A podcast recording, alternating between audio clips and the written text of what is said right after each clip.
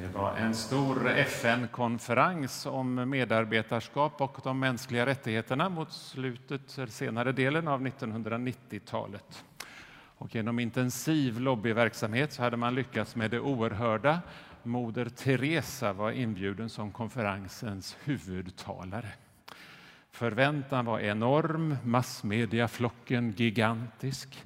Flera tusen konferensdeltagare bänkade sig. Moder Teresa, influgen från Calcutta, introducerades med alldeles för många och väldigt många vackra ord. Tyst gick hon sedan ihopkrupen, ganska böjd så där som hon var, eh, mot talarstolen i sin vita och blåa nunnedräkt. Mikrofonen ställdes in. Allt blev tyst. Och så började hon tala. Om ni har medarbetare älska dem. Och så tog hon några steg bakåt, bugade mot folket och gick och satte sig. Hon kunde naturligtvis ha talat om det här i timmar. Hon, och det kunde ha ventilerats i gruppsamtal och nätverk och hearings och paneldiskussioner och alla, alla hade fått göra sina stämmor hörda. Dokument hade skrivits och mejlats runt jorden och diskussionens vågor hade gått höga. Men ingen hade drabbats som nu var fallet. Reaktionen på hennes rekordkorta anförande var, som ni kan ana, närmast panik bland arrangörerna. Fotografen hade inte hunnit ställa in skärpan på kameran. Allt var över. Men de som hade hört hade förstått. Det här var radikalt. Detta var kristendom, praktisk kristendom. Älska dem. Jesus kunde predika lika kort. Hans budskap mejslade sig sylvast in i åhörarskarorna. Omvänd er, ni skall älska varandra så som jag har älskat er. Och för att det ska vara möjligt så krävs daglig förändring, en beredskap eller daglig flexibilitet kan vi säga. En beredskap att låta honom som har skapat dig komma dig nära och hålla ditt hjärta nära hans. Kanske kan hans hjärtpuls, hjärtslag smitta av sig, som det gör i en kör. Ni vet. Man har hittat, Chalmers har hittat det för några år sedan bara, att i kören så börjar hjärtan slå tillsammans i samma puls. Kanske kan det hända om du håller ditt hjärta nära Jesu hjärta. Just innan han höll den här rekordkorta predikan som Moder Teresa eh, citerade ännu kortare eh, så berättade han om vinträdet. Det, det, du är som en gren i ett träd, säger Jesus. Jag är vinstocken och så växer det massa grenar. Våra liv tillsammans är som en plantering.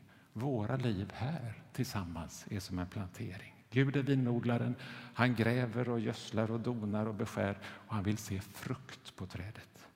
Tillsammans med andra är du Guds folk här. Fässbergs församling, Guds vingård. En gren kan ju inte växa på egen hand och säga att men, nu knoppar jag av mig här och startar eget. En gren är beroende av stammen.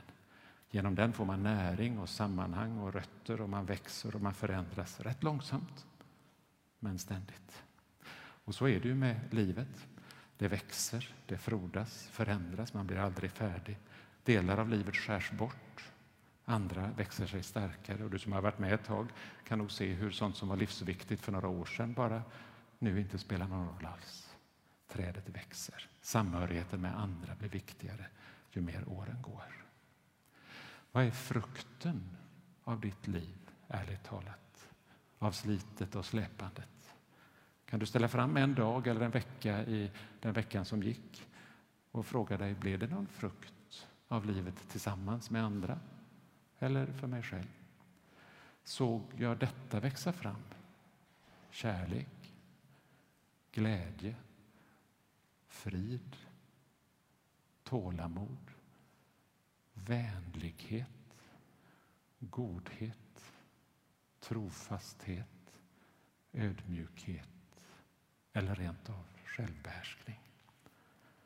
Inget av det här kan du köpa för pengar. Ingen kan tvinga det fram ur sitt eget liv. Det här är frukter som växer fram, som man får ta emot, kanske mest hos andra. Att vara kristen handlar alltså om detta enkla, att förbli nära Jesus. Att efter dopet bli kvar i vinstocken. Att fortsätta vara en gren i Jesus. Ur den samvaron tillsammans springer en livsföring fram, en etisk inriktning av livet som långsamt förändrar och kan göra skillnad. Om ni har medarbetare, älska dem. Och så blev hon tyst, tog några steg bakåt, bugade mot folket och gick och satte sig.